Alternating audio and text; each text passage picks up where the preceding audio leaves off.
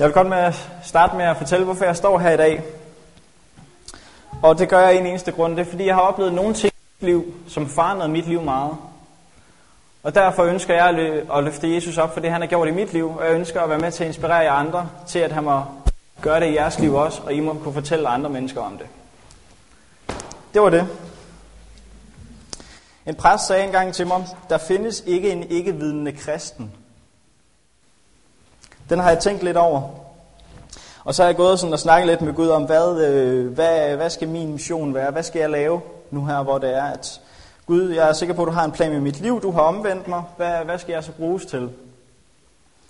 Og så øh, en dag, da jeg virkelig sad og snakkede med Gud om det her, så viste han mig et øh, skriftsted i 1. Korintherbrev, kapitel 2 og vers 1-5. Og den øh, synes jeg, I alle sammen skal tegne en rød streg om, fordi at den giver jer alle sammen, at I ikke har en eneste undskyldning for ikke at fortælle andre mennesker om Jesus. Den kommer her.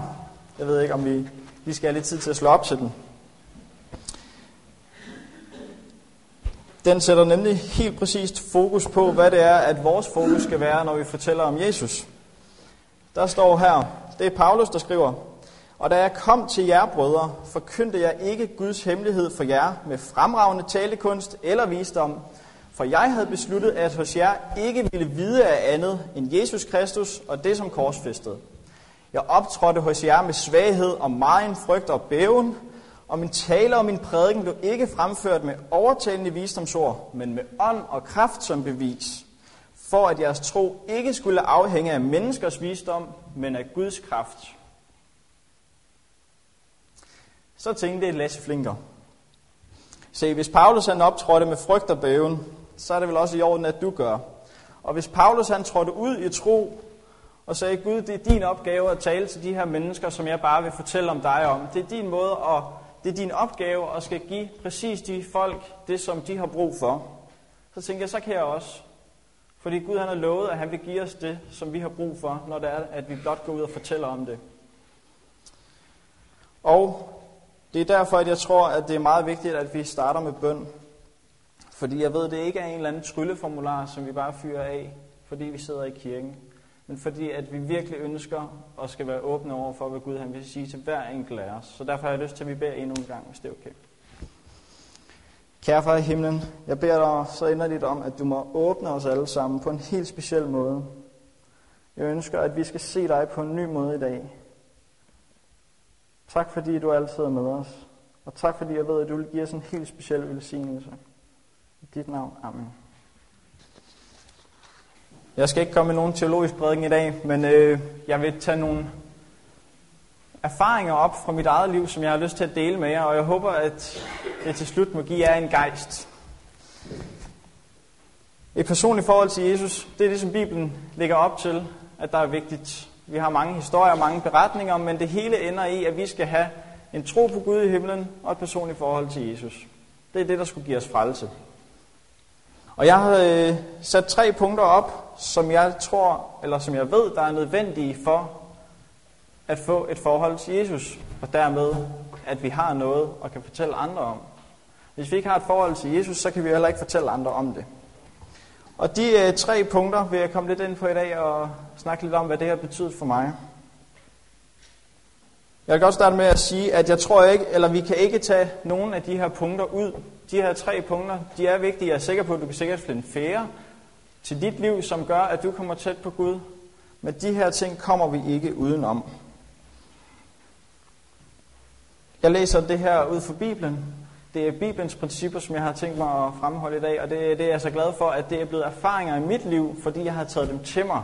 Og det er derfor, jeg ser Bibelen som en meget levende bog, fordi at jeg har mærket det på egen krop, hvordan at de ting, som jeg læser i Bibelen, de kommer ind og virker på mit liv, og derfor bliver det en levende bog, og ikke en tør og kedelig teoribog, som jeg har tænkt i rigtig mange år i mit liv. Det første punkt, som jeg vil komme ind på, det er bibelstudium. Gud har givet os Bibelen, og jeg tror på, at den er fuldt ud inspireret af Gud. Og desto mere jeg læser i den, desto mere overbevist om, bliver jeg om, at den er Guds inspirerede ord. Øh, jeg tror, det er en vigtig ting for os, når det er, vi læser Bibelen, at vi så ser den som komplet. At vi ser den som bogen, der har sandhederne. Jeg har førhen tit læst Bibelen, hvor der er, jeg sådan ligesom har læst Bibelen for at bygge på min egen tro. For at Bibelen skulle beskrive, hvordan at jeg tænker op i hovedet på min tro. Men jeg tror at nogle gange, vi skal vende den om og sige, hvad siger Bibelen, og min tro skal rette sig efter det. Jeg tror tit, at vi læser Bibelen efter for at få bekræftet vores sandheder. Men jeg tror, at vi kan blive ved med at finde nye sandheder i Bibelen hele livet igennem. Jeg tror aldrig, vi kan tømme Bibelen. Og jeg er i gang med at læse den store strid i øjeblikket, fordi jeg tror, den har meget at sige til os om vores tid nu her. Og der læser jeg bare om, hvordan at Gud op igennem tiden har ført sin lille rest folk med hans ord op igennem tiden. Hvordan han har bevaret Bibelen til os, sådan som vi har den i dag. Hvordan at det har været hans mening at bære den bog frem til os. Så jeg er sikker på, at den har et specielt budskab til os.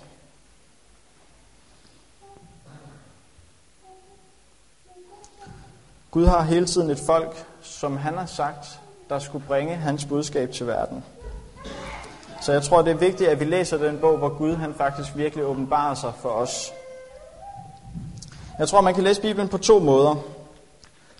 Man kan virkelig gå læse den i dybden for at få et studie ud af det, for at forstå små principper i Bibelen. Vi går teoretisk eller teologisk til sagen, og det kan jeg personligt godt lide. Jeg bruger meget tid på den måde og går i dybden med nogle ting. Men en erfaring, som jeg har måttet indse, det er, at jeg har virkelig brug for Helligåndens vejledning. Og der er jeg glad for at komme her i den her menighed, fordi det ved jeg, at I også har sat stor fokus på. Jeg er blevet lært op i et adventisthjem omkring Bibelen. Jeg har gået i kirke hele mit liv, men aldrig forstået pointen med den. Jeg har syntes, den var kedelig. Jeg synes, den havde intet at sige mig overhovedet. Så blev jeg lidt større. Så fandt jeg ud af, at den har nogle meget gode principper. Vi skal elske vores næste, og vi skal ikke stjæle og ikke lyve. Og det er nogle gode principper, vi kan føre til os i vores liv. Men det var ikke nok for mig. Der måtte være mere. Da jeg så blev omvendt, begyndte jeg at forstå, hvad bøn egentlig gjorde, hvad Helligåndens hjælp kunne gøre. Jeg begyndte at forstå, hvad Bibelen havde at sige til mig. Og jeg fandt Jesus i bogen, og jeg fandt ud af, hvordan at hele Bibelen den er gennemsyret af Jesus. Og jeg tror, at grunden til, at jeg har haft overset det så lang tid, det var, at jeg ikke bad om vejledning. Jeg ved, at det er virkelig vigtigt at bede til Gud om, at vi må forstå den på den måde, som han vil. Det er ham, der har skrevet bogen til os, og jeg ønsker, at forfatterne af den her bog skal forklare mig, hvordan den skal påvirke mig i mit liv, hvordan jeg skal reagere. Derfor tror jeg, det er hammerne vigtigt, at vi beder om vejledning. Jeg mærker det også nogle gange i mit liv, hvor jeg fejler på det her punkt, hvor jeg bare sætter mig ned og læser noget, men jeg må bare indse hver gang, at Bibelen synes underligt tom på mig, lige så snart, at jeg ikke har bedt om hjælp. Det er så også min erfaring, at lige så snart jeg beder om hjælp, så står der guddommelig hjælp i kø for at hjælpe mig. Og der må jeg bare smile gang på gang og bare sige, hvorfor, hvorfor dummer jeg mig hver gang? Men sådan er vi mennesker, er vi ikke det? Martin Luther han studerede Bibelen rigtig, rigtig meget. Og øh, folk siger, at han brugte tre timer på bøn, inden det var, at han begyndte at studere Bibelen om morgenen. Tre timer i bøn, det er ret meget. Han fandt mange sandheder i Bibelen, og jeg er sikker på, at Helligånden har ledt ham til at finde de ting, som han skulle finde. Han skrev, eller sagde, bøn er over halvdelen af et bibelstudium. Hvis nogen burde vide, hvad bøn havde af effekt, så burde det da være ham, i hvert fald. Jeg ved også, at Jesus han brugte en masse tid på bøn. Men bøn er over halvdelen af et bibelstudium. Når jeg også læser i den store strid om, eller ellers Ellen White om, hvordan at kirken til at starte med fandt alle deres sandheder, så læser jeg om, hvordan at de bad Gud om at åbenbare sig for dem på nogle helt specielle måder, for at finde de sandheder i Bibelen, som Gud havde præcis for de mennesker på den tid. Og jeg er sikker på, at Gud han har nogle sandheder til dig i sin Bibel, som han vil åbenbare præcis på en speciel måde for dig, når du beder ham om det. Jeg er sikker på, at præcis som på samme måde, som han gav de folk de sandheder til at starte med i vores kirke, at han står præcis til rådighed på samme måde i dag. En anden måde at læse Bibelen på, tror jeg også kan være bare for at læse Bibelen, bare for at være i miljøet. Jeg tror, at det vil have en effekt, bare du bruger tid med Jesus. Jeg tror, det er et meget, meget vigtigt ting at få frem det her også, fordi at nogle gange så har vi ikke lyst til at læse Bibelen. Sådan har jeg det i hvert fald. Det er ikke altid, jeg har lyst til at læse Bibelen, og synes, det er lige sjovt, fordi mit liv det ramler. Og så er det ikke der, vi har tænkt os at sætte os ned og lade os at læse Bibelen. Sådan er det. Sådan har jeg det ikke i hvert fald.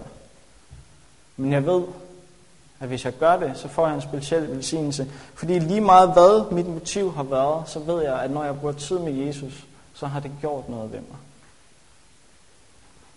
Nogle gange så har jeg også kommet til Jesus for mit eget egos skyld. Fordi at jeg vidste, at jeg vil gerne have lykke i mit liv, jeg vil gerne have fremgang i mit liv, og derfor har jeg læst lidt i Bibelen. Men jeg har fundet ud af, at bare jeg brugte tid med ham, som det handlede om, så ændrede han mine motiver. Mine egoistiske drømme, de blev til oprigtige mål. Jeg vil sige, at nærværet med Gud er aldrig spildt. Bibellæsning er hammerne vigtigt for at forstå den Gud, som vi faktisk tror på. Det næste punkt, som vi ikke må undlade i vores forhold til Jesus, det er bøn. Det er om ikke andet mere vigtigt. Jeg har været lidt inde på det. Uden bøn er forholdet til Jesus tomt. Det lyder måske lidt hårdt, men det tror jeg. Som sagt før, så har jeg læst meget i Bibelen, også førhen. Og jeg fandt også kundskab i Bibelen. Men jeg bad ikke til Jesus igennem min hverdag. Og derfor synes han så underligt langt væk. Trods at jeg studerede om morgenen, inden jeg gik i skole, og jeg læste om aftenen, lige så snart jeg kom hjem fra skole, læste og studerede i Bibelen. Jeg kunne ikke forstå, hvorfor han syntes så langt væk. Min erfaring var, at jeg bad ikke til ham i løbet af dagen. Jeg havde ikke en vandring med Jesus. Og det tror jeg er meget, meget vigtigt. Jeg fandt ud af, at i Bibelen, når jeg brugte tid på ham, så læste jeg om Gud, men jeg havde ikke kontakt med Gud. Jeg har haft en kæreste et stykke tid nu, og øh, hun er en rigtig dejlig pige. Og jeg er sikker på, at der kunne skrives bøger om hende. Om hver enkelt lille detalje, som hun har. Hvor lang hendes lillefingernegl er, hvor stor hendes finger er, hvor mange hår hun har, hvor meget mellemrum der er mellem tænderne. Alle de her små detaljer kunne vi proppe ned i en bog for at beskrive hende. Jeg kunne så læse den her bog og bare tænke, hold da fast, hun er da en dejlig pige, sådan en ville jeg gerne have fat i. Hun må være et fantastisk menneske. Men pointen er, at hvis jeg aldrig snakkede med hende, så ville jeg aldrig opleve det selv. Jeg vil aldrig få andet end viden om, hvor dejlig hun var.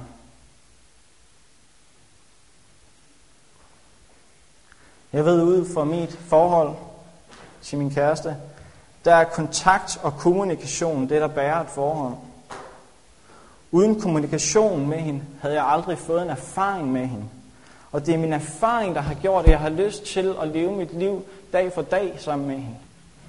Fordi jeg har fået en erfaring med hende. Sådan skal det også være med Jesus. Hvis vi ikke har kontakt med ham via bøn, så lærer vi kun om ham, men vandrer ikke med ham. Jesus siger også til allersidst, når vi skal dømmes, det siger han til dem, som der ikke bliver frelst, jeg kender jer ikke.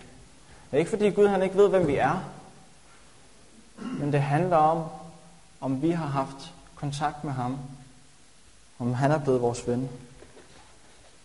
En anden grund til, at jeg tror, at det er vigtigt at få erfaring med Jesus via bøn, er, at vi kan komme ud for rigtig, rigtig mange argumenter og argumentationer i dag, hvor at vi ikke kan svare fra eller til, men erfaringer er der ikke nogen, der kan tage fra os. Vores erfaringer er der ikke nogen, der kan pille med. Jeg tror, at vi lever i den sidste tid, og jeg tror ikke, at vores gudsforhold altid vil være let. Jeg tror på, at der kommer et tidspunkt, hvor det er, at vi ikke får lov til at have Bibelen mere, og kommer ud for nogle ting, vi ikke er glade for. Men hvis vi har vores erfaring, det er der ingen, der kan tage fra os. Det kan vi bygge på.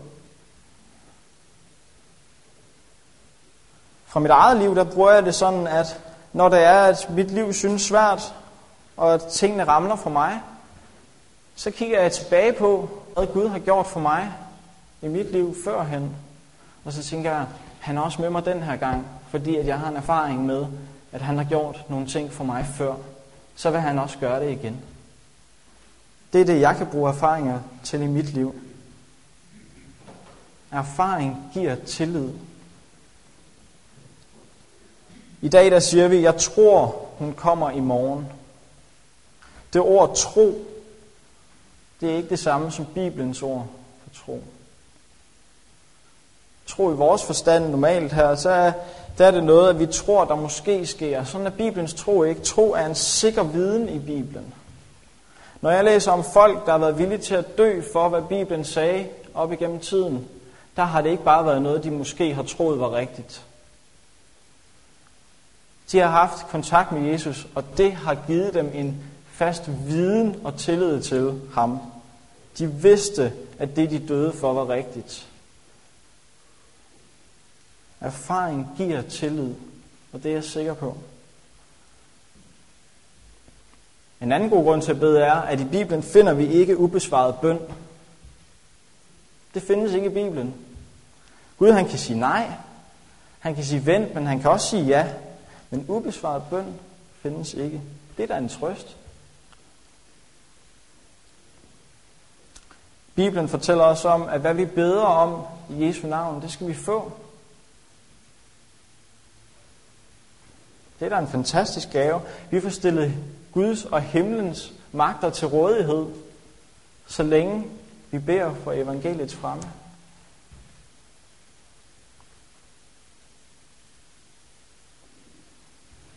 Jeg tror også, at bøn det vil forvandle vores liv. Jeg tror, det vil være med til, at vi ser Jesus på en speciel måde, når vi ser ham arbejde og udføre de bønder, som vi beder ham om. Der er et skriftsted, jeg rigtig godt kan lide i 2. Korinterne 3:18. Og der står, alle vi, som med utilsløret ansigt i et spejl skuer Herrens herlighed, forvandles efter det billede, vi skuer, fra herlighed til herlighed, sådan som det sker ved den herre, som ånden er. Det Bibelen fortæller mig er her, at hvis vi skuer Gud igennem Bibelen og ser ham igennem bøn, hvordan han virker, så vil vi blive forvandlet til at ligne ham mere. Og det er vel der, vi et eller andet sted skal nå hen. Bøn er fantastisk vigtig. Jeg tror på, at Gud han kan forvandle liv. Han har forvandlet mig. Jeg er et eksempel. Og du kan også være et eksempel på, hvordan han har forvandlet dig over for andre mennesker. Folk, hvis, hvis, hvis vi ikke tror, at Gud han kan forvandle liv, så har vi ikke nogen grund til at sidde her. Hvis vi ikke tror, at Gud han kom til vores jord, døde på et kors, var i graven, opstod igen og er levende og er til vores rådighed i dag for evangeliets fremme, så kan vi lige så godt gå ud af kirken. Det er der hele vores tro ligger, at Gud han virker i dag for os. Bøn er fantastisk vigtig. Den tredje ting, som vi ikke kommer udenom, den kan godt være lidt ubehagelig. Men det er, at vi skal vidne for andre. Men jeg tror, at det er en, den ting, som mange mennesker hopper lidt og elegant over, og derfor så tror jeg også, at vi får det mere svært i vores åndelige liv. Det har jeg opdaget ved mig selv. Jeg skal give nogle eksempler på det her. Bibelen siger også, at vi skal fortælle om andre. Romerne 10, kapitel 9. Jeg slår også lige op i min bibel her. Romerne kapitel 10 og vers 9. For hvis du med din mund bekender, at Jesus er Herre, og i dit hjerte tror, at Gud har oprejst ham fra de døde, skal du frelses. Jeg gentager lige det første. For hvis du med din mund bekender, at Jesus er Herre, og i dit hjerte tror, at Gud har oprejst ham fra de døde, skal du frelses. Det er et påbud. Hvordan bekender vi med vores mund, at Jesus er Herre? Det gør vi ved at fortælle det til andre.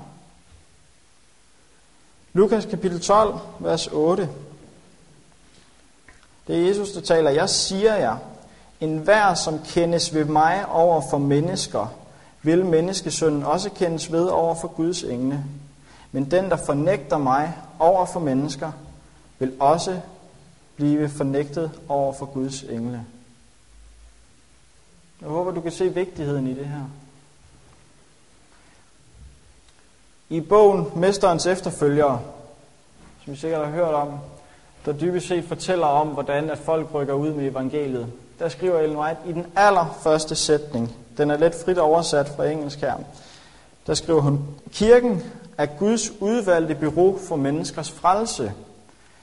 Den var organiseret til Guds tjeneste, og dens mission og formål er at bringe evangeliet til verden.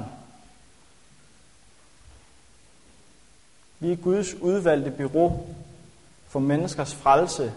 Vi skal samles her til Guds tjeneste, men vores mål for at samles er at skal give evangeliet til andre mennesker. I Matthæus 28, der får vi missionsbefalingen, hvor der står, Bliv i kirken og sid på jeres hænder, så kommer folk strømmende til.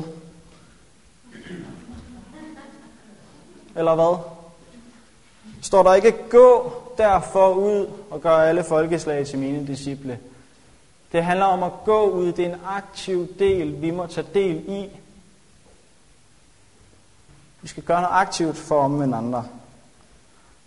Hvorfor? Hvorfor skal vi fortælle andre om Jesus? Romerne 10:17. Tro kommer altså af det, der høres, og det, der høres, kommer i kraft af Kristi ord. Vi bliver sendt ud i kraft af Kristi ord, som vi læser i Bibelen, og deres tro kommer af det, som vi skal fortælle dem, af det, de kommer til at høre.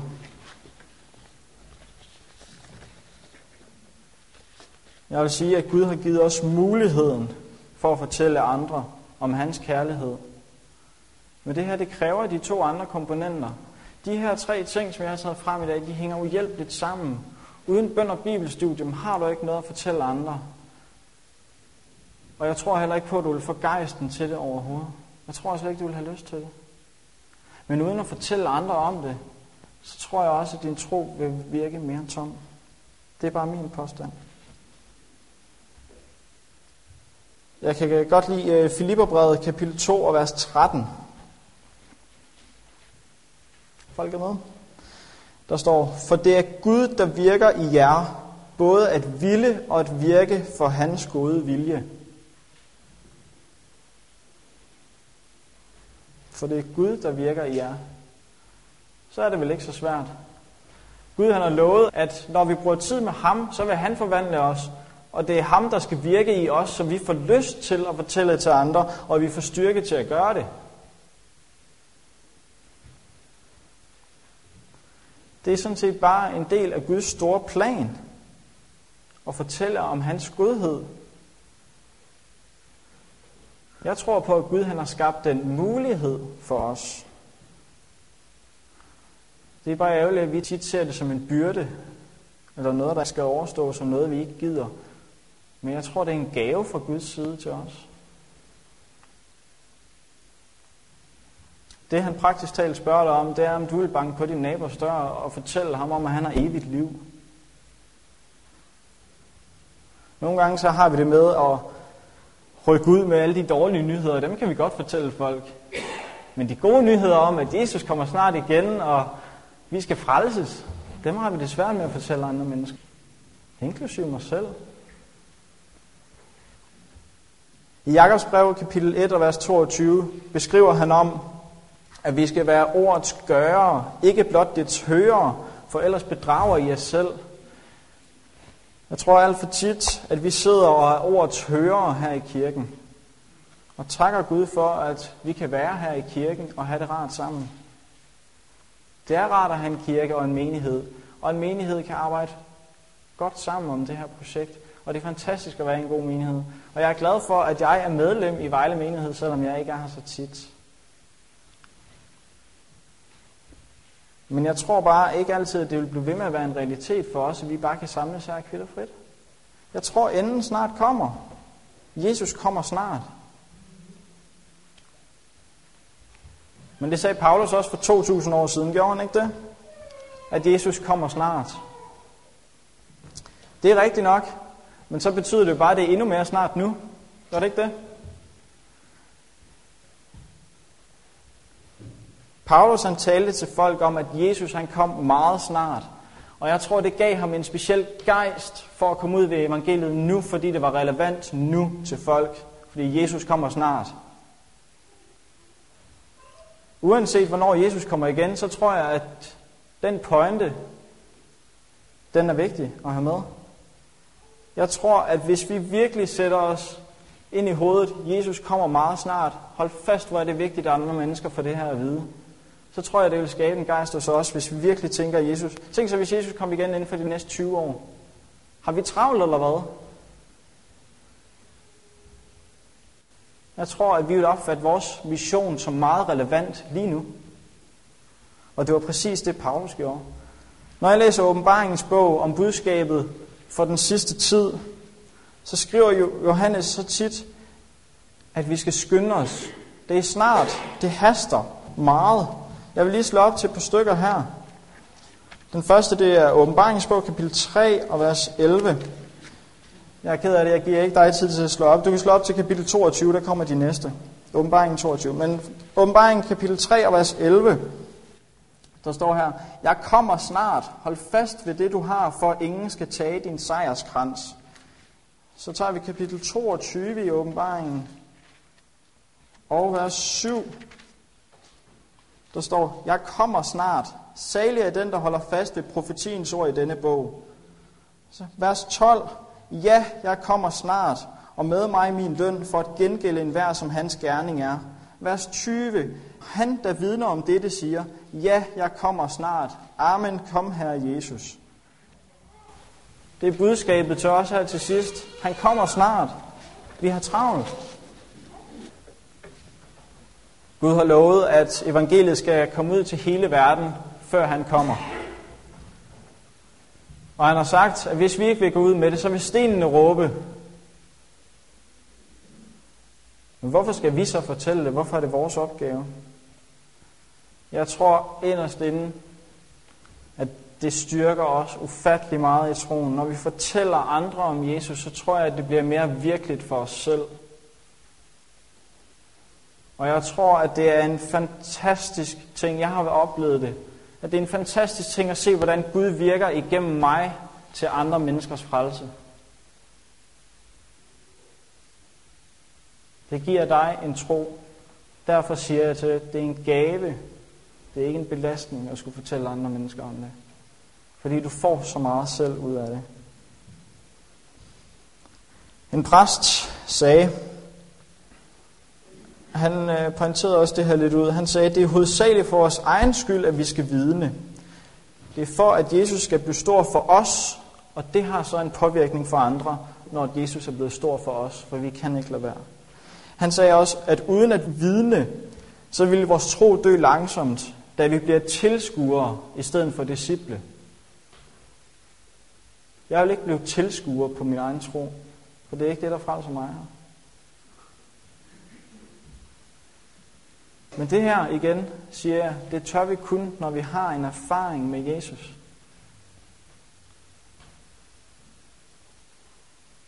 Vi skal have hjælp til at have vores gudsforhold, og vi skal have hjælp til at fortælle andre om det. Jeg tror også, det er en hjælp til at huske Bibelen bedre. Det har jeg i hvert fald brugt det. Når der er, vi skal forklare nogle andre noget, så husker man det meget bedre selv. Så på den måde så får man det også ind på en anden måde. Jeg er lidt tung, men jeg skal have tingene mange gange, og det her det er også en hjælp. Ja. Jeg tror også, at vi kan få et bibelsk princip til det her. Det er, at jeg oplever tit, at nu mere vi giver, desto mere giver Gud igen. Vi taler tit om en ond spiral. Det her det er en god spiral. Når du giver noget, så får du endnu mere igen, og så kan du give endnu mere, og så får du endnu mere igen. Gud han er en uudtømmelig kilde, tror jeg. Jeg tror ikke, at vi kan udkonkurrere Gud.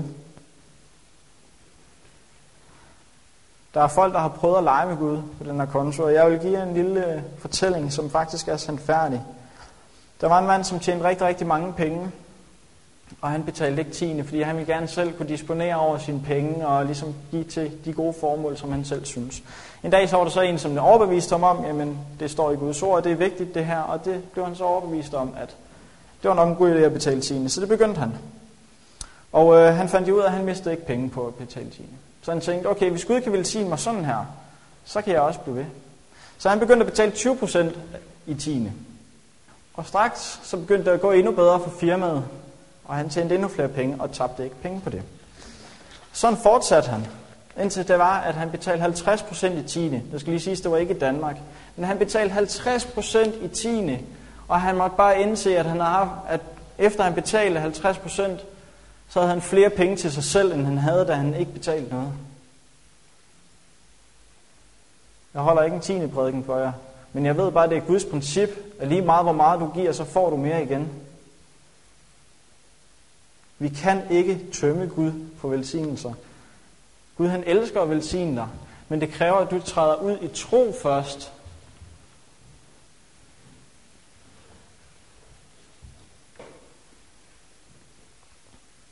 Det handler om din vilje til overgivelse i sidste ende.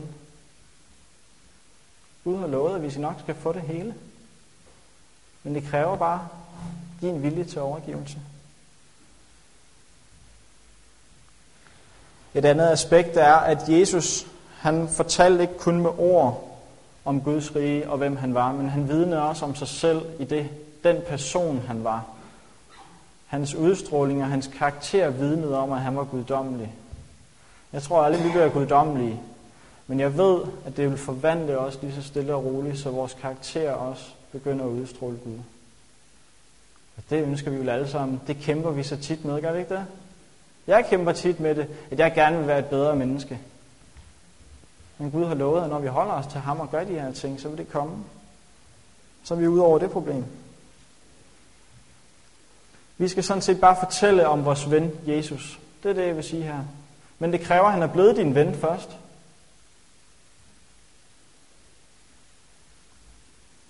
Jeg håber, du har taget Jesus til dig i dit liv og bruger daglig tid med ham. Fordi at jeg har oplevet erfaringer, som har gjort, at det har ændret mit liv. Og jeg håber, at du har fået en gejst i dag til at gøre noget endnu mere ved det. Lige meget hvor meget du har kontakt med Gud, så kan du altid få det mere. Jeg har taget det her op i dag, fordi jeg har været meget frustreret over det her. Og jeg ved, der er mange mennesker, der er det. Jeg møder mange mennesker i min hverdag, der ikke aner, hvordan man får et forhold til Gud. Først så troede jeg, det var unge mennesker på min egen alder, fordi de ikke havde indset det endnu. Men jeg fandt ud af, at det var også ældre mennesker. Det er det er hammerne vigtigt. Og til afrunding her vil jeg sige, at de her tre ting, bibelstudium, bøn og vidne for andre, dem kan vi centrere under et eneste ord. Det hedder overgivelse. Det handler om at overgive dig til Gud. Det handler derimod ikke om din status, om IQ, om intelligens, om dit selvværd.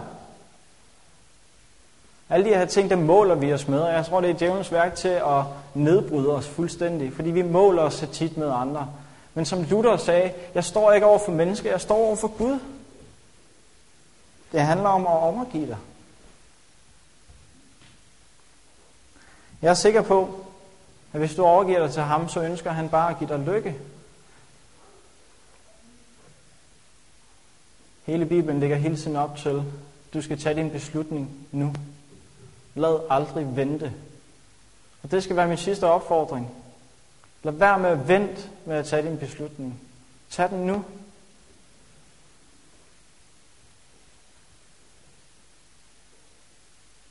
Hvis du overgiver det til ham, så vil han hjælpe dig resten af vejen. Det er min erfaring. Han gjorde det for mig, men jeg ved også, at han vil gøre det for dig. Jeg synes, vi skal bede sammen. Kære far i himlen, jeg siger dig tak, fordi at du har åbenbart dig for os. Tak, fordi du sendte din søn til jorden for at dø for os. Undskyld, når vi ikke spreder det gode budskab. Hjælp os til at gøre det. Hjælp os til at være oprigtige kristne og gå ud med evangeliet til verden. Vi har det gode budskab, Jesus. Hjælp os til at bruge det. Hjælp os til at komme tættere på dig. Hjælp du os til overgivelse. Jeg ved, at vi har brug for hjælp, for vi er svage. Tak fordi, at du er med os. Tak fordi du velsigner den her menighed, og jeg beder dig om at fortsætte at velsigne de aktiviteter, de laver i dit værk. Led du dem til menneskers frelse og til din ære. Kom snart, Jesus. I dit navn. Amen.